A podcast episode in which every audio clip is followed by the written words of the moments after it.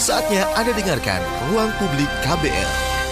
Selamat pagi, kita berjumpa kembali dalam ruang publik KBR bersama saya Don Brady dengan tema pagi hari ini, kenali dan obati katarak sejak dini. Saudara katarak merupakan penyebab utama kebutaan di Indonesia. Katarak yang muncul sering men seiring menuanya seseorang ini kerap tidak disadari kapan munculnya. Bila terlambat ditangani, katarak bisa berujung kebutaan. Mengenali gejala katarak sejak dini dan mengobatinya akan membantu menghindari kebutaan. Apakah menua satu-satunya penyebab katarak? Seperti apa gejala katarak dan pada tahap apa harus segera dapat dapat penanganan dan apakah katarak bisa dicegah? Semua pertanyaan ini akan kita cari jawabannya bersama Dr. M. Sidik SPMK, Ketua Umum Persatuan Dokter Spesialis Mata Indonesia atau Perdami Pusat yang hadir di studio KBR pagi ini. Selamat pagi dok. Selamat pagi. Dokter, pagi ini kita ngobrolin soal kenali dan obati katarak sejak dini. Kita sering uh, dengar istilah katarak, tapi mungkin uh, beberapa orang nggak tahu sebenarnya katarak itu apa dan banyak yang belum paham. Cara sederhana apa yang dimaksud dengan katarak dan bagaimana bisa terjadi, Dok? Katarak adalah suatu kelainan pada mata kita di mana terjadi kekeruhan pada lensa. Hmm. Seharusnya lensa itu jernih, kemudian dengan karena sesuatu hal atau karena proses penuaan terjadi degenerasi pada isi lensa kemudian menjadi keruh. Apa yang terjadi ya kita bisa bayangkan kalau lensa keruh tadinya bening tentunya menghalangi penglihatan seseorang. Hmm, itu secara uh, sederhananya ya iya, pengertian katarak ini. Iya. Nah,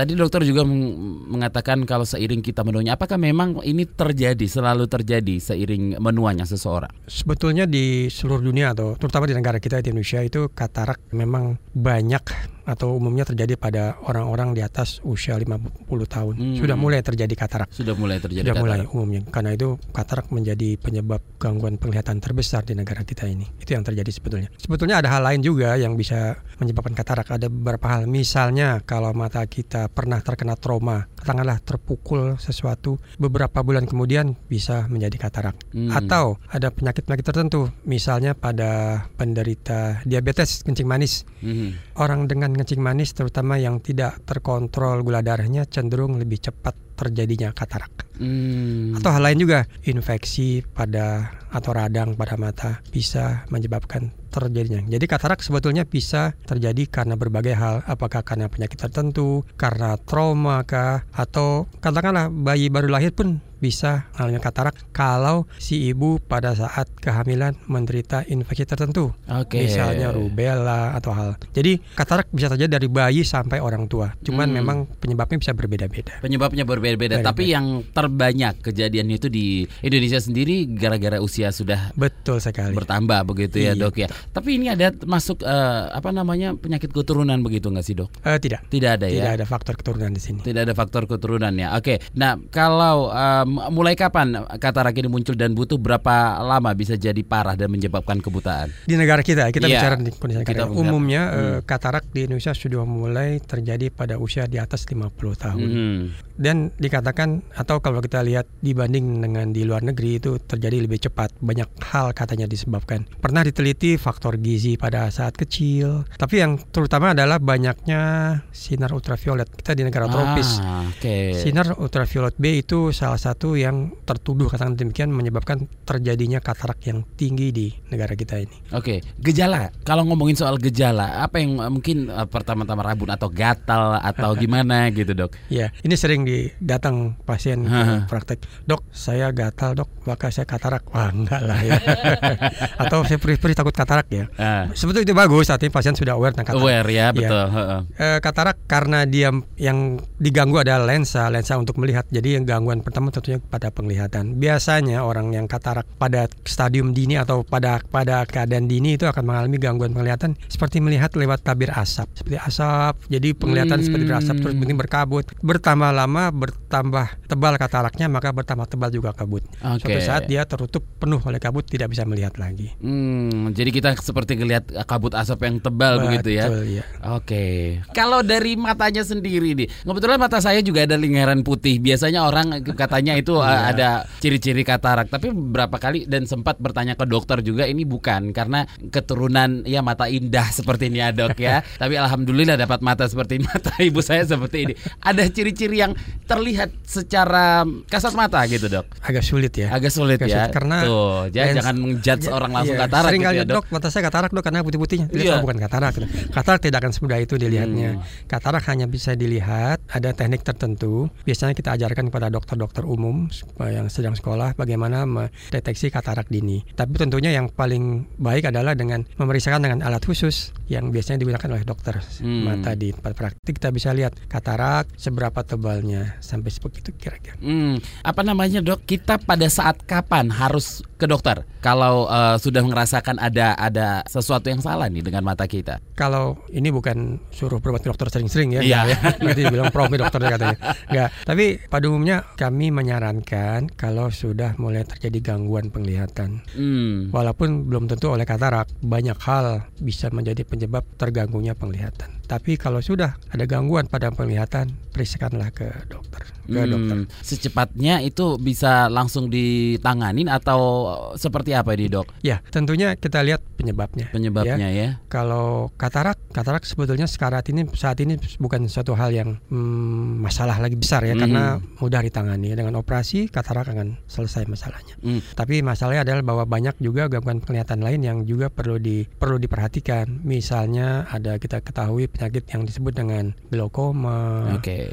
atau gangguan retina misalnya. Jadi pada dasarnya setiap gangguan penglihatan harus diperiksakan. Bagaimana penata laksananya? Penata laksananya tergantung bagaimana Mhm. apa atau apa penyebabnya tentu. Oke, dan em, apakah salah satu cara pengobatannya itu memang selalu berujung ke operasi, dok? Kalau katarak ya, Ah, Oke. tidak ada jalan lain. Tidak ada Eh, jalan lain ya, Dok? Hanya katarak. Ah, iya. Jadi kadang-kadang ada saja orang yang dok saya sudah berobat ke sana dok kasih tetes katanya buat katarak. Saya hanya bilang bahwa secara ilmu oftalmologi ilmu penyakit mata katarak hanya bisa ditangani dengan cara operasi. Itu saja. Hmm, hanya ditangani Iya. dengan operasi. Tapi kalau em, disebabkan oleh penyakit lain, apakah memang eh, itu tidak akan muncul lagi kataraknya dok? Misalnya kayak penyakit apa tadi dok? Glukoma, Eh, bukan, eh, diabetes, ya, diabetes, diabetes. Oke. Jadi eh, katarak bisa diakibatkan oleh komplikasi atau katakan komplikasi dari diabetes ya. Gula darah yang tinggi bisa menyebabkan terjadinya katarak lebih dini dari orang yang tidak Hmm. diabetes. Penanganannya sama semua katarak, operasi, titik itu saja. Hmm. Apa pun penyebabnya, o- eh, obatnya hanya atau tata laksana hanya dengan operasi. Oke, mari kita berbicara soal rentang umur sekitar 20 sampai di bawah 50 begitu, Dok. Rata-rata eh, pasien yang dokter tangani itu penyebab katarak itu apa sih, Dok? Yang mereka alami itu eh, penyakit kah atau atau apa? Terbanyak karena usia. Terbanyak karena Kan usia di ya. atas 50 tahun. Kalau yang di bawah 50 tahun, Dok? Kalau di bawah 50 tahun bisa karena trauma misalnya. Misalnya orang ini eh, sedang main basket kena bola, bola eh, basket atau apa pun yang memukul matanya beberapa bulan kemudian bisa jadi katarak. Hmm. Atau misalnya orang-orang yang makan obat tertentu atau obat tetes tertentu. Ada obat tetes tertentu, ada obat tertentu yang bisa memicu timbulnya katarak lebih cepat. Umumnya obat-obat itu ada obat-obatan yang kita sebut dengan steroid. Apakah itu diminum, apakah tetes, itu dalam jangka waktu lama bisa berakibat katarak. Dan ini sudah beberapa kali didapatkan pada penderita katarak usia muda. Jadi kemudian yang lainnya adalah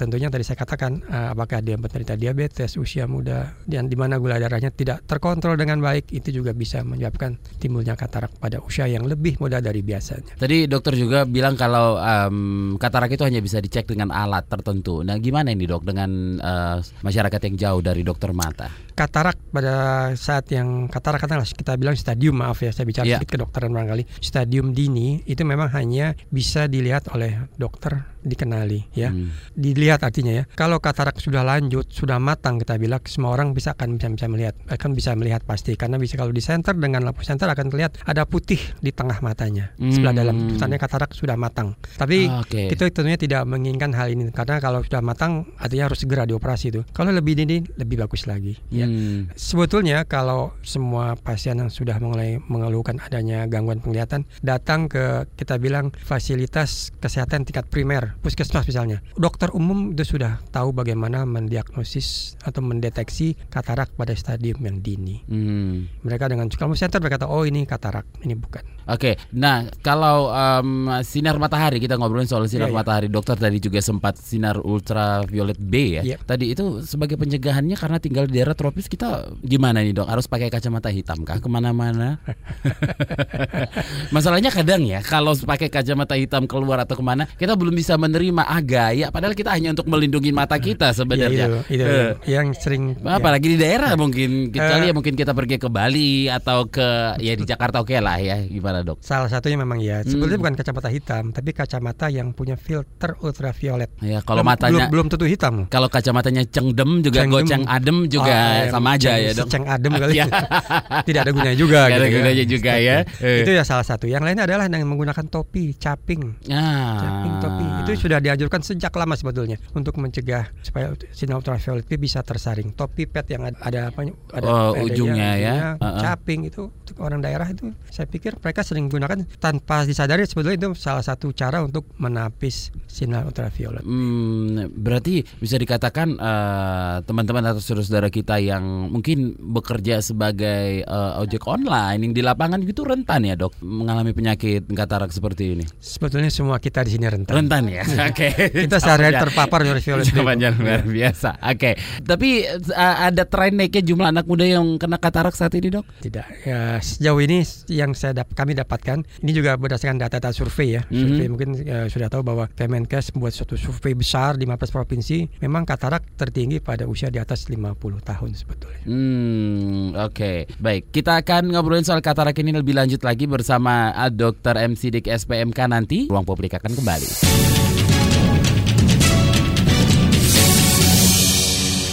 Anda masih mendengarkan Ruang Publik KBR bersama saya Don Brady dengan tema pagi hari ini Kenali dan Obati Katarak Sejak Dini. Saya masih bersama Dr. M. Sidik SPMK, Ketua Umum Persatuan Dokter Spesialis Mata Indonesia atau Perdami Pusat. Oke dok, masih ngobrolin soal katarak ya. Efek dari tadi dokter juga menyebutkan salah satu satu-satunya obat atau cara menanggulangi katarak ini adalah operasi. Nggak ada cara yang lain. Oke, efek pasca operasi ada nggak sih dok? Operasi adalah tindakan bedah. Oke. Pada dasarnya setiap tindakan bedah sekecil apa pun mempunyai kemungkinan terjadinya komplikasi. Hmm. Dan itu yang tentunya eh, sepanjang si dokter melakukan dengan cara yang betul. Artinya dalam operasi katarak itu ada sebut dengan standar prosedur, Oke. cara-cara. Kalau dikerjakan betul tentunya akan berakhir dengan baik juga. Hmm. Tapi kadangkala ada eh, pasien yang mengatakan bahwa dokter kok saya habis operasi katarak penglihatan saya begini-begini saja tidak berubah. Setelah dilihat ternyata operasinya baik. Yang terjadi adalah bahwa memang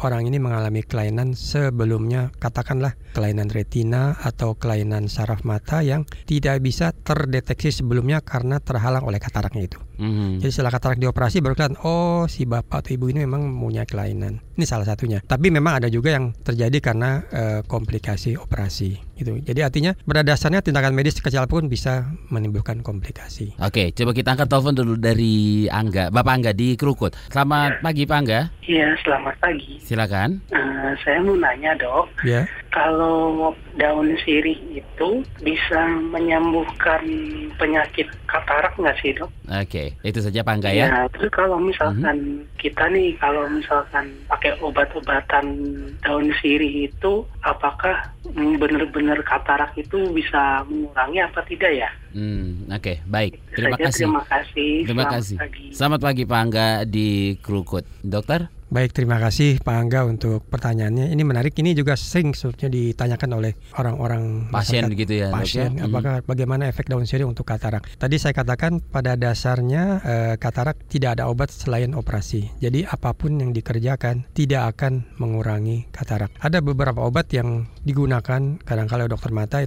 untuk katarak, tapi sebetulnya sebatas hanya untuk menahan supaya tidak bertambah cepat tingkat kematangannya. Hmm. Walaupun itu juga tidak terbukti juga. Sekarang kalau kita bicara daun sirih itu sudah banyak penelitian tentang daun sirih. Daun sirih memang mempunyai antiseptik, daya antiseptik. Jadi membunuh kuman sebetulnya. Oke. Tapi tidak ada kaitan dengan katarak. Tidak ada kaitannya dengan Iya, katarak ya. Tapi bisa aja kan dok ya. Kan eh, mungkin daun sirih ini bisa sangat gampang dijumpai di mana pun. Bisa mungkin ada tanaman di belakang rumah atau depan Iya. rumah itu bisa saja. Tapi tidak menyembuhkan hanya memperlambat ya. Tidak juga. Tidak juga tidak ya. juga. Jadi saya katakan Mhm. daun sirih sudah diliti ya beberapa kali di institusi kami memang punya efek antiseptik membunuh kuman dia, bukan katarak. Oke. Jadi infeksi mata bisa disembuh bisa diatasi dengan tentunya dengan proses yang betul ya daun sirihnya. Hmm. Di bisa mem- membunuh beberapa kuman, tapi tidak untuk katarak sama sekali. Oke, jadi harus diperjelas ya tidak untuk katarak sama sekali. Kita angkat telepon dulu ada Bapak Anas di Kalimantan Barat. Selamat pagi Pak Anas. Selamat pagi Pak. Iya silakan. Nah, nah, gini Pak, saya mau nanya masalah mengenai katarak itu kan Mhm. ipar saya itu kan mempunyai penyakit katarak kalau sekarang itu udah 16 tahun Pak. Mhm. Tapi posisinya itu kalau dari kota atau rumah sakit besar itu jauh. Hmm. Terus untuk pengobatan itu kayaknya nggak ah, nggak mampu gitu Pak, karena kami itu kan mempunyai apa ya, tidak punya gitu loh Pak. Hmm. Ah, ah. Terus itu solusinya gimana itu Pak? Maaf kalau sebelumnya Anas bertanya masalah itu. Baik. Karena kan eh, kalau di Lampung itu kan harus di Abdul Muluk atau sebagian di mana karena kami itu kan di pegunungan gitu loh Pak. Ya makasih ya Pak. Baik. Assalamualaikum. Waalaikumsalam, Pak Anas, dokter. Ini sebetulnya bukan masalah medis ya, Iya. tapi saya harus menjawab Hmm. bahwa operasi katarak sebetulnya dilakukan di tingkat layanan operasi tidak hanya operasi rumah sakit tipe A, Pak. Kalau Abdul Muluk lagi tipe A di Lampung, ada rumah sakit tipe B, tipe C, tingkat kabupaten. Iya, di tadi contoh eh, Contohnya dia. Iya. Rumah sakit tipe C tingkat kabupaten juga sebetulnya sudah mampu melakukan operasi katarak. Itu yang pertama. Yang kedua, saya tahu betul bahwa di Kalimantan Barat itu teman-teman saya dokter mata beberapa kali dalam setahun melakukan yang operasi yang disebut dengan bakti sosial operasi katarak. Hmm. Itu adalah operasi katarak yang sebetulnya ditujukan untuk masyarakat yang tidak mampu mengakses layanan kesehatan. Jadi di sini dokter mata yang datang mendekatkan diri ke masyarakat sehingga masyarakat yang, yang jauh di pedalaman mampu dioperasi kataraknya. Itu sering kali dilakukan. Tolong Bapak perhatikan saja kalau-kalau ada operasi baksos yang dilakukan di dekat-dekat daerah Bapak. Itu saya tahu betul sering kali dilakukan oleh teman-teman dokter mata di Kalbar Pak, Hmm. Kalimantan Barat. Jadi memang eh, masalah ini juga menjadi masalah sebetulnya masalahnya bukan hanya Bapak, banyak masyarakat Indonesia dan sudah disadari oleh Kemenkes ini bahwa memang mereka belum artinya belum mampu mengakses layanan kesehatan Hmm. eh, yang mampu melakukan psikiater. Karena itulah dilakukan bagus. Kami dari Perdami punya nis- berinisiatif mendekatkan layanan kesehatan masyarakat, layanan kesehatan operasi katarak ini ke masyarakat yang jauh dari eh, fasilitas pelayanan. Hmm. Ini yang dilakukan. Tapi memang tentunya tidak terbatas karena keterbatasan tenaga, sarana, dana dan lain-lainnya. Biasanya bakti sosial ini diadakan berapa kali dalam setahun? Sekali setahun atau gimana nih dok? Eh, sebetulnya saya tidak bisa bilang Ya. berapa kali setahun. Tergantung dari eh, dana, sarana, Hmm. fasilitas. Hmm. Ya, Eh, ada kalanya Pedami ini punya cabang banyak Ya. di 24 provinsi di Indonesia. Dan teman terima kasih pada teman-teman di Pedami cabang ya dari Aceh sampai Papua. Ya. Terima kasih saya ucapkan karena mereka sudah mau berkontribusi untuk penanggulangan kebutuhan karena katarak ini melakukan baksos. Dana dari mana mereka bisa menghimpun dari mana-mana sebetulnya. Mereka ada yang berinisiatif. Kadangkala kami dari pusat pun mendrop dana kalau kebetulan kami mempunyai memiliki dana. Jadi tujuannya adalah sekali lagi mendekatkan layanan operasi katarak ke masyarakat. Hmm. Berapa kalinya saya tidak bisa mengatakan karena terga- tergantung pada eh, dana yang tersedia. Tapi biasanya eh, eh, informasi tentang baksos seperti ini bisa didapatkan di mana sih dok? Biasanya kalau katakan di daerah itu Iya. daerah sudah menginformasikan jauh hari sebelumnya. Harusnya seperti itu ya. Ya, jadi Aha. sehingga masyarakat tahu kemudian eh, dilakukan screening dulu tentunya karena kadangkala apa yang dikatakan oleh masyarakat katarak ternyata setelah diperiksa bukan katarak gitu. Hmm. Biasanya katakanlah contoh misalnya dari 100 pasien yang datang mungkin hanya 30 yang katarak. Jadi orang datang masyarakat awam berpikir bahwa saya terganggu penglihatan karena katarak padahal banyak hal yang bisa menjadi penyebab gangguan penglihatan tersebut. Seperti Hmm, itu. Oke, apalagi dengan kasus dari eh, Pak Anas tadi saudaranya ip- iparnya tadi sudah 16 tahun mengalami katarak itu biasanya stadiumnya sudah sampai apa itu dok? Kalau betul katarak ini sudah stadium yang matang sebetulnya. Matang ya. Apalagi kalau sudah tidak bisa melihat sama sekali. Sebetulnya kalau eh, masyarakat bisa mengetahui bahwa stadiumnya bagaimana dilihat dari gangguan penglihatannya. Kalau dia sudah tidak bisa melihat sama sekali, katakanlah hanya bisa melihat bayang-bayang tangan atau hanya bisa melihat cahaya terang gelap itu harus sudah matang, harus Hmm, segera dioperasi. Harus segera dioperasi ya. Jadi buat eh, Bapak Anas tadi coba dicari informasinya lebih Iya. lanjut lagi di Kalimantan Barat di mana pasti sebenarnya bakal ada bakso seperti itu Iya. ya. Saya juga sering melihat bakti sosial operasi katarak begitu ya. Baik mudah-mudahan Hmm. Bisa saya segera. potong sedikit. Iya silakan. Ya, dua tahun lalu saya saya ini asalnya Kalimantan bukan Kalimantan. Saya pernah tugas di Kalimantan Barat Hmm. lama lima tahun sebagai dokter umum. Saya tahu betul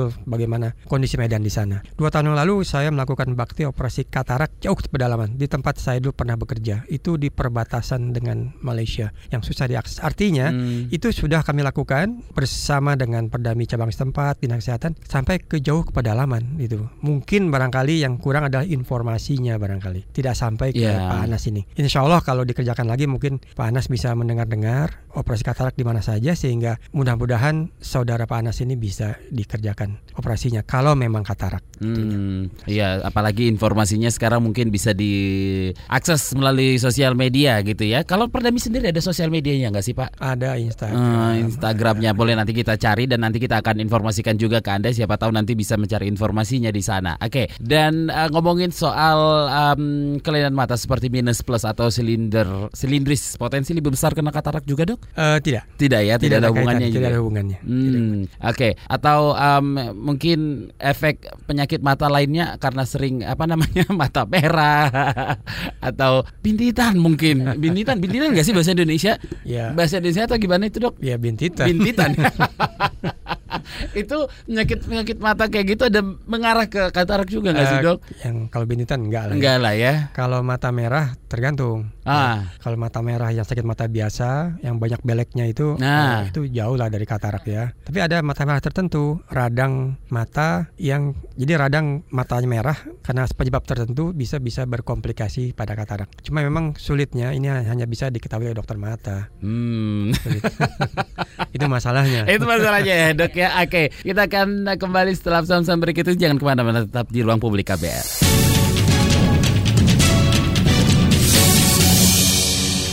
Anda masih mendengarkan Ruang Publik KBR bersama saya Don Brady dengan tema pagi hari ini kenali dan obati katarak sejak dini. Saya masih bersama Dr. M. Sidik SPMK, Ketua Umum Persatuan Dokter Spesialis Mata Indonesia atau Perdami Pusat. Dok ini sudah ada beberapa WhatsApp yang masuk kita bacain dulu ya Yes, dok ya dari Tika di Semarang. Dokter saya pakai kacamata dan sebenarnya ingin sekali coba pakai kontak lens biar lebih simple. Tapi saya pernah dengar katanya kalau pakai kontak lens bisa bikin katarak. Apa itu benar? Makasih pertanyaannya. Ini, ini menarik karena ini baru pernah saya dengar pertanyaan seperti ini.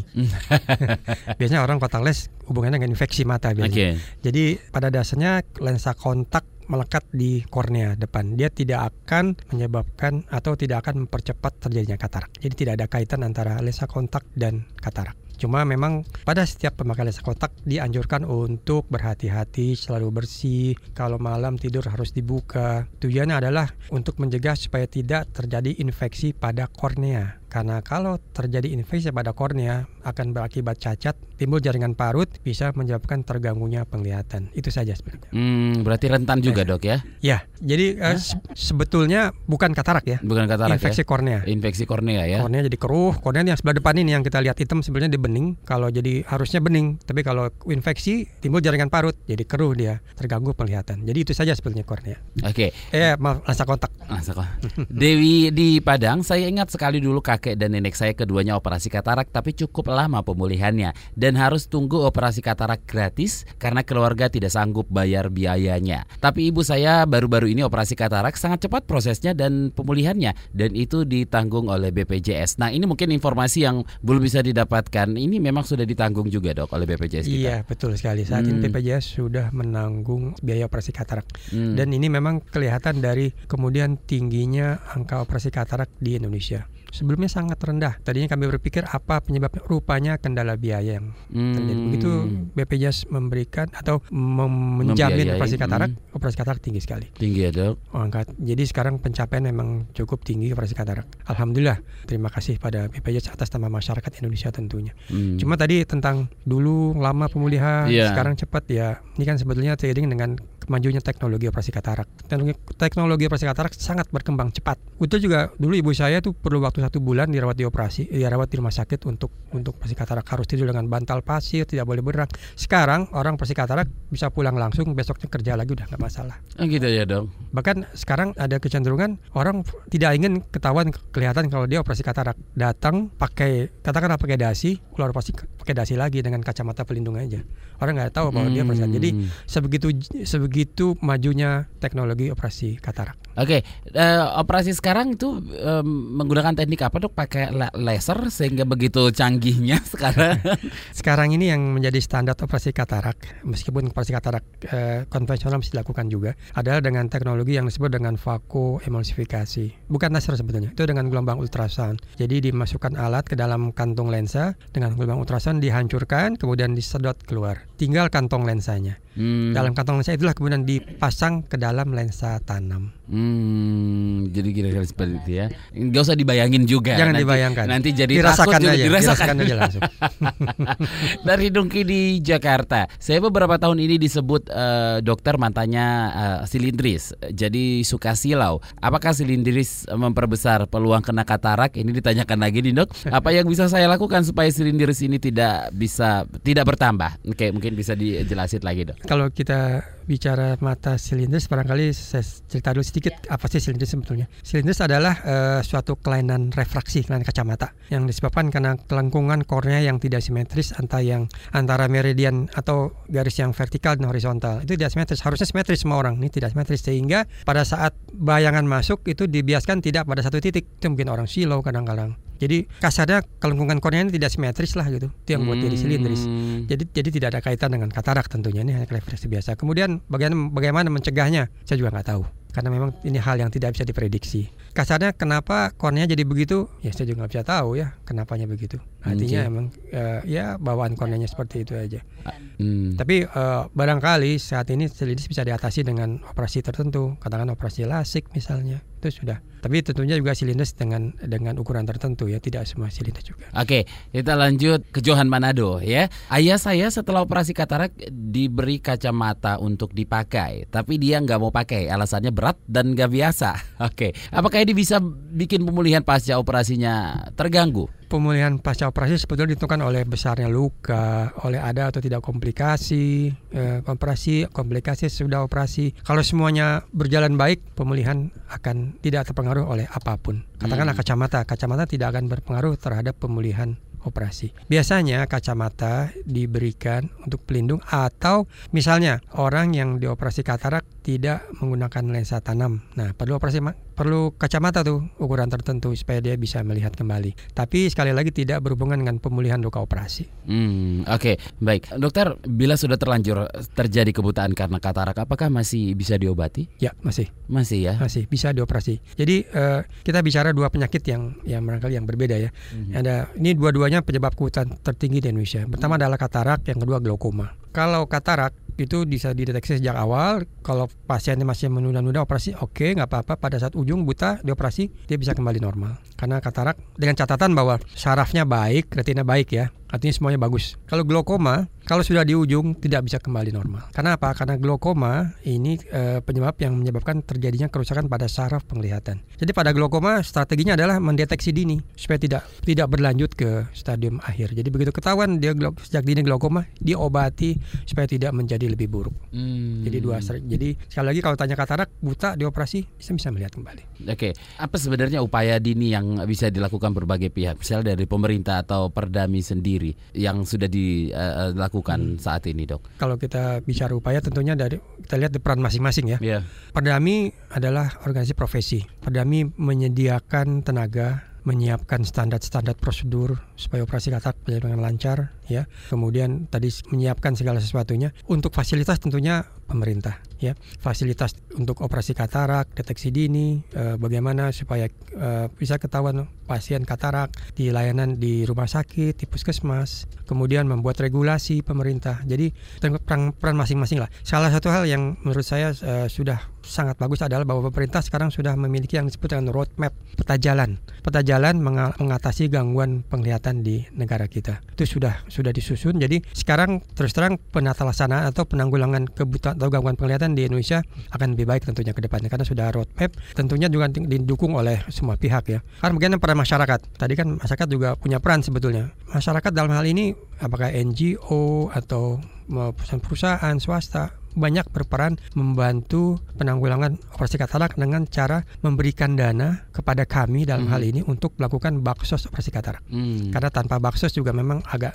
agak tersendat juga. Jadi berbagai hal lah dilakukan agar eh, penderita katarak bisa dioperasi. Banyak perusahaan yang memberi, yang melalui CSR-nya memberikan dana ke kami Perdami untuk eh, melakukan dengan eh, dana tersebut kami bisa bergerak melakukan operasi katarak. Tentunya eh, dengan tenaga dari kami dan Perdami saat ini sudah mempunyai uh, satu tim namanya seksi penanggulangan buta katarak. Ini kami sudah punya satu tim yang sudah memiliki peralatan yang siap berangkat ke mana saja di tanah air ini asal ada dananya. Itu masalah itu. Ya. Hmm. Jadi jadi masalah lagi dana yang dihimpun dari masyarakat kami gunakan untuk kami kembalikan ke masyarakat untuk melakukan operasi katarak. Oke, siap berangkat ke mana pun se ya. uh, di wilayah Indonesia ya, ya dok. Tapi ada nggak sih daerah-daerah atau provinsi di Indonesia yang tingkat apa penderita kataraknya tinggi? Di provinsi mana saja ini? Saya bicara data ya. Ya. Berdasarkan survei mungkin sudah tahu ada uh, waktu itu dua tahun lalu tiga tahun lalu Perdam uh, Kemenkes bersama Perdami dan Litbang melakukan satu survei mm -hmm. untuk pengen tahu sebetulnya berapa sih kebutuhan katarak di Indonesia dan di mana saja itu dilakukan di 15 provinsi Indonesia mm. ternyata maaf teman-teman di Jawa Timur nih uh, ternyata Jawa Timur yang memiliki uh, prevalensi tertinggi empat persen pada penduduk usia di atas 50 tahun maaf sekali lagi teman-teman perdami bukan berarti teman perdami tidak bergerak tapi banyak hal yang berpengaruh sebetulnya terhadap hmm. saya tahu teman-teman banyak banyak teman di Jawa Timur Jawa ya. Timur ya ya mereka sudah aktif cuma memang bagi sebetulnya banyak hal yang menjadi penyebab tingginya angka tarak jadi hmm. jadi sekali lagi yang uh, dua tertinggi kalau tidak salah Jawa Timur dan NTB tidak salah ya hmm. masih di sekitar 4, 3 sampai empat persen. Oke okay. di Jawa Timur yang menjadi penyebabnya diketahui nggak sih dok apa yang menjadi menyebabkan Jawa Timur itu menjadi tinggi prevalensinya? Yang pertama tentunya karena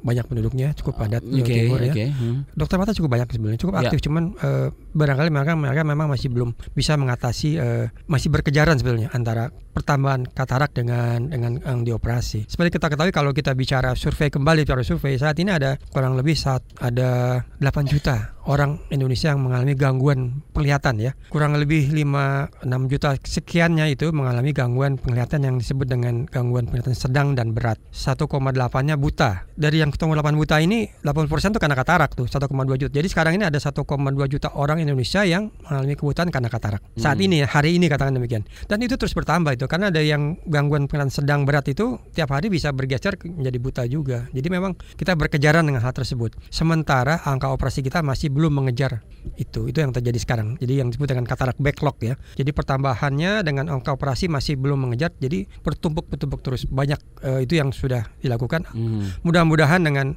peran BPJS yang menjaminkan uh, operasi katarak, baksos itu bisa kita kejar angka kebutaan tersebut. Hmm.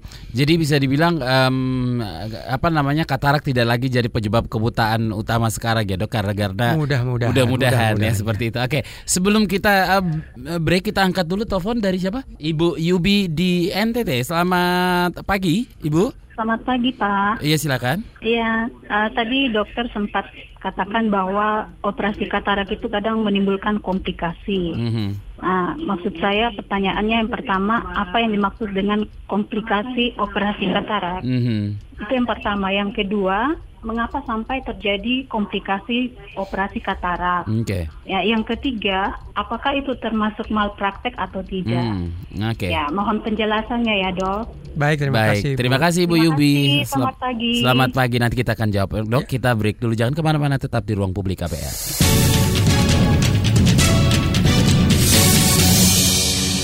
Kita sudah di segmen terakhir Ruang Publik KBR masih bersama saya Don Brady dengan tema pagi hari ini kenali dan obati katarak sejak dini. Dan saya masih bersama Dr. M. Sidik SPMK Ketua Umum Persatuan Dokter Spesialis Mata Indonesia atau Perdami Pusat. Oke, dokter tadi sebelum break kita sudah ada telepon dari Ibu Yubi di NTT yang ada tiga pertanyaan ya operasi katarak itu bisa disebab e, menyebabkan ya menyebabkan komplikasi. Tadi dokter juga menyebutkan di awal. Dan apa yang dimaksud komplikasi? Penyebab penyebabnya apa dan ini termasuk malpraktek kah? Silakan dok. Baik, pada dasarnya tadi saya sudah katakan semua tindakan medis kecil apa pun bisa menimbulkan komplikasi. Oke. Okay. Komplikasi adalah kejadian yang tidak diharapkan sebetulnya. Katakanlah kita mengharapkan hasilnya A tapi kemudian terjadi B.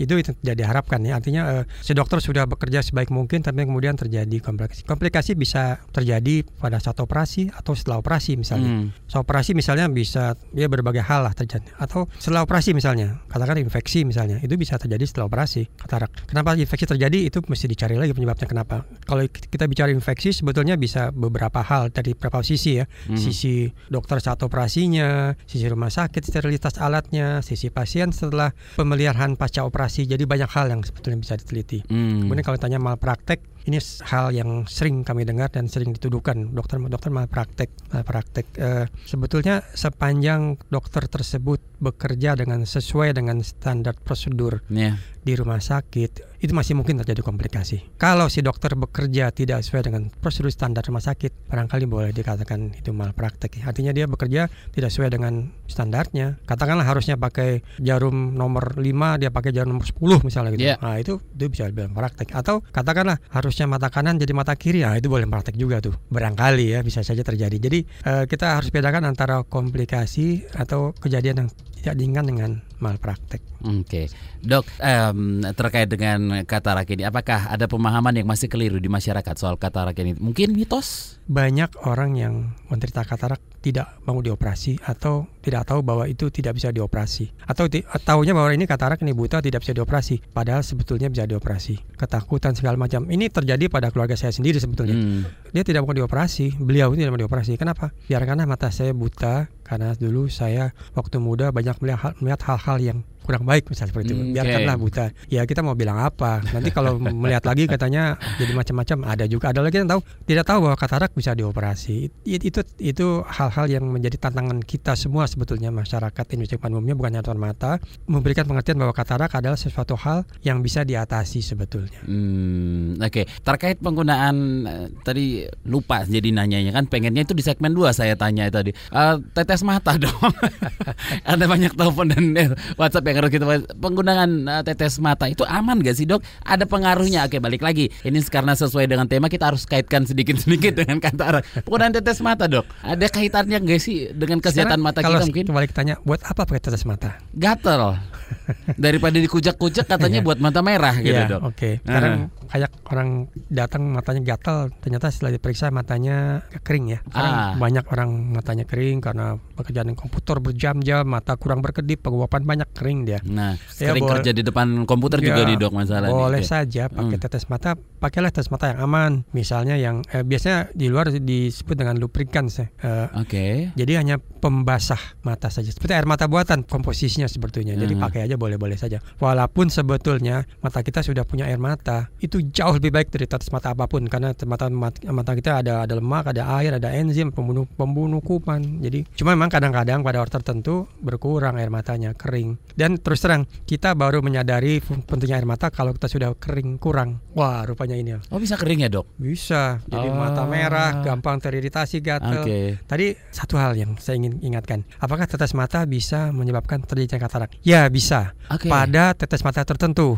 yang mengandung steroid. Terus terang kami eh, dokter mata sering kali udah bukan tidak sering ya, bukan sering, sudah beberapa kali mendapatkan pasien yang menggunakan tetes mata tertentu yang menggunakan yang isinya mengandung steroid, dia pakai berbulan-bulan karena matanya gatal dan steroid itu memang bagus, mata gatal tetes hilang gatalnya. Tapi kalau terus dipakai berbulan-bulan bisa timbul komplikasi. Apa komplikasinya? Katarak atau glaukoma. Hmm. Itu itu saya pernah dapatkan itu seorang anak yang dari kelas 5 SD, kelas 6 SD karena sering gatal, orang tuanya kasih aja obat tetes mata yang ada steroidnya karena pernah ke dokter dapat obat itu. Orang tuanya nggak mau pusing, begitu gatal kasih. Kelas 1 SMP datang dengan katarak dengan glaukoma. Katarak nggak hmm. masalah bisa dioperasi. Yang kasihan glaukomanya ini agak sulit mengatasinya. Jadi hmm. dalam menggunakan tetes mata bijaksanalah itu saja berhati-hatilah. Oke, terakhir mungkin dok ini apa yang harus dilakukan masyarakat untuk menjaga matanya biar tetap sehat dan terhindar dari gangguan mata secara umum? Sebetulnya tidak ada tips khusus ya untuk mata. Sebetulnya yang pertama tentunya dari gaya hidup ya, gaya hidup misalnya uh,